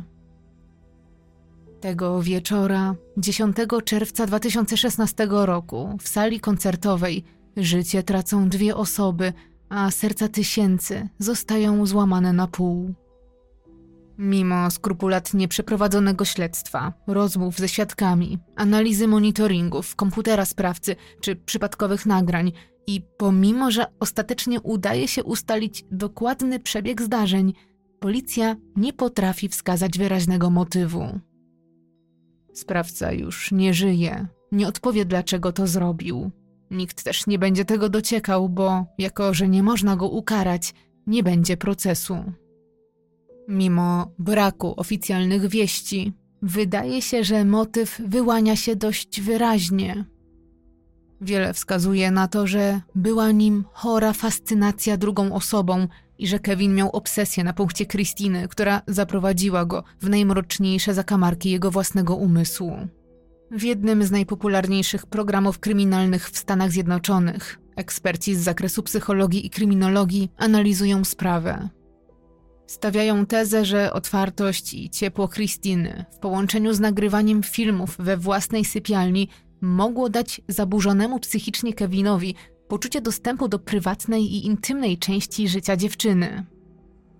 Chłopak mógł wręcz żyć w przekonaniu, że doskonale się znają, że są częścią swojego życia, ale w rzeczywistości była to tylko iluzja. W jednym z wywiadów z tatą Kristiny ojciec wspomina, że kiedy jego córka wrzuciła do internetu pierwszy film, jej mama Tina od razu wyraziła swoje obawy. Powiedziała, jesteś taka ładna, a teraz wszyscy zboczeńcy na świecie będą mogli cię oglądać i do ciebie pisać. Matczyne przeczucie okazało się być proroctwem. Chociaż z powodu śmierci sprawcy proces w sprawie zamordowania Kristiny nie odbędzie się, to we wrześniu 2016 roku Rodzina Grimi wchodzi na drogę sądową z właścicielem sali koncertowej oraz firmą ochroniarską, która miała dbać o zdrowie i życie zarówno koncertujących, jak i ich fanów. Oskarżają ich o pośrednie doprowadzenie do śmierci ich córki poprzez niezachowanie odpowiednich procedur bezpieczeństwa. W maju 2017 roku sąd odrzuca jednak pozew, ponieważ prawo stanu Floryda nie przewiduje sytuacji, w której właściciel nieruchomości może być pociągnięty do odpowiedzialności z tego tytułu. Rodzina Krystyny jednak nie poddaje się. Składa dwa identyczne pozwy, jedynie zmieniając nazwę pozwanych, ale to również nic nie daje, bo i te powództwa zostają odrzucone przez sąd z powodu zbyt ogólnego umotywowania. W maju 2017 roku rodzina Grimy występuje z kolejnym pozwem, a tym razem uzupełnia go o to, że zaniedbania wpłynęły nie tylko na ich córkę, ale także na ich zdrowie psychiczne. Tym razem sąd jednak ani nie oddala, ani nie odrzuca pozwu, co zapowiada, że niedługo rozpocznie się proces. Także w 2017 roku rodzina Christiny wydaje jej pośmiertny album Ollie's Vanity, nad którym tak długo pracowała i którego niestety nigdy nie udało jej się ukończyć. Żeby dodatkowo uczcić życie swojej córki i siostry, Bat, Tina i Markus zakładają fundację jej imienia.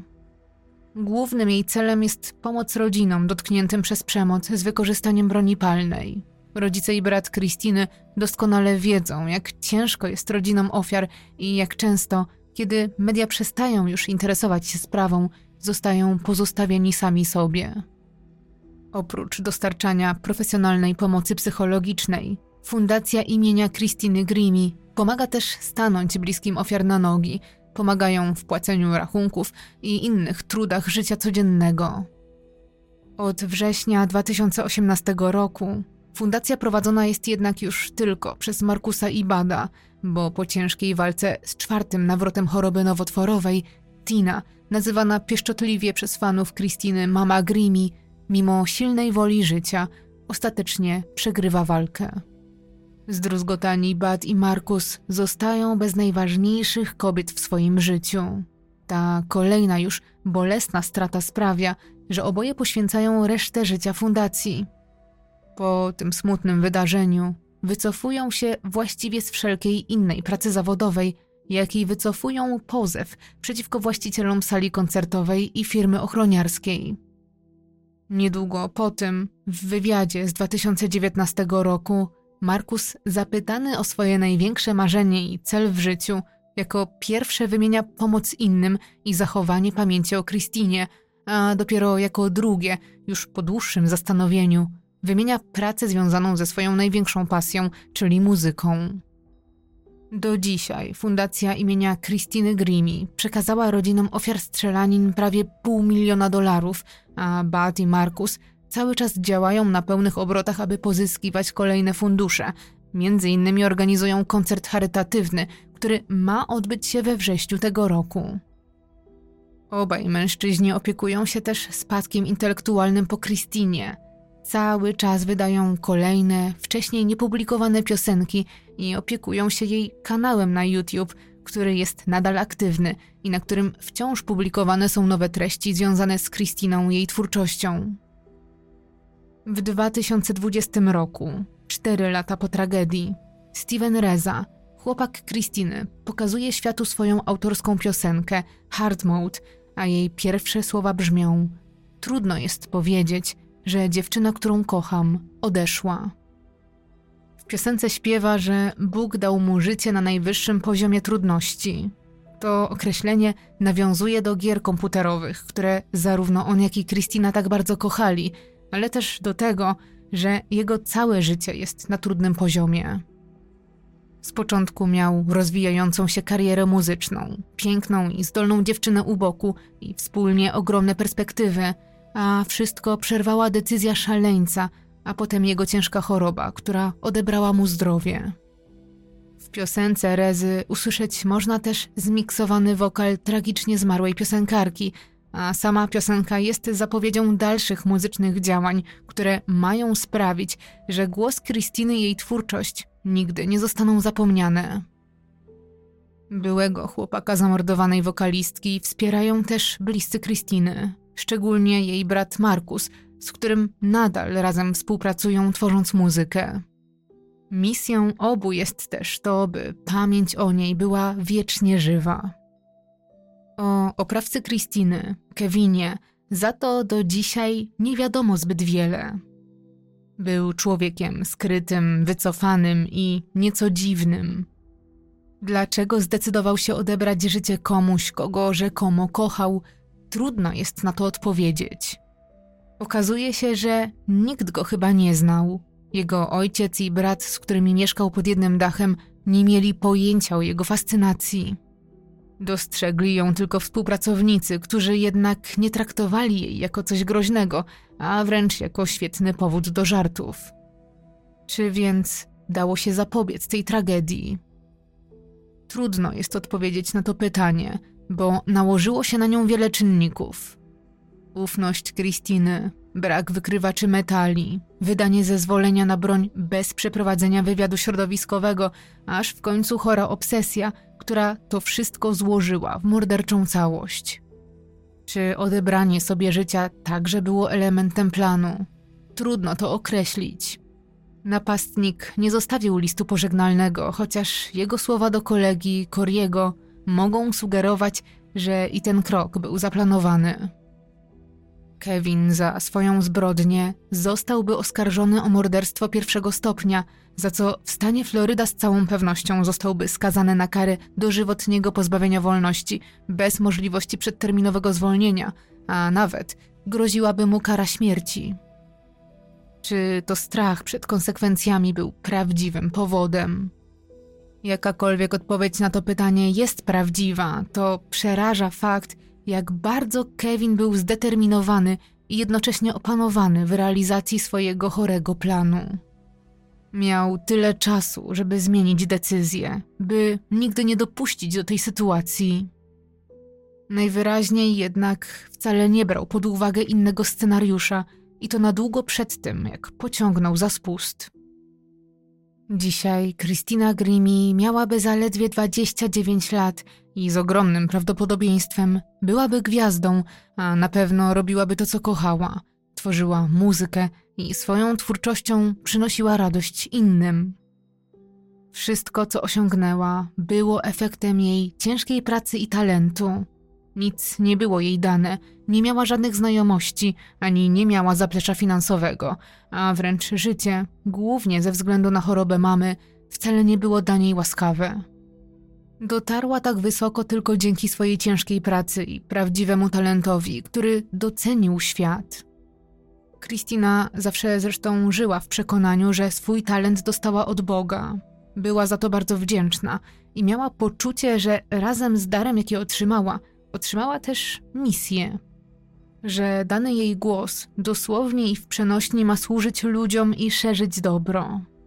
Niestety na swojej drodze spotkała Kevina, który ze swoich egoistycznych pobudek postanowił zaprzepaścić wszystkie wielkie i szczytne plany. Od tragedii w Plaza Life minęło już ponad 7 lat, ale Christina wcale nie została zapomniana. Zostawiła po sobie ślad, muzyczny ślad, a dzięki jej twórczości pamięć o niej będzie wiecznie żywa.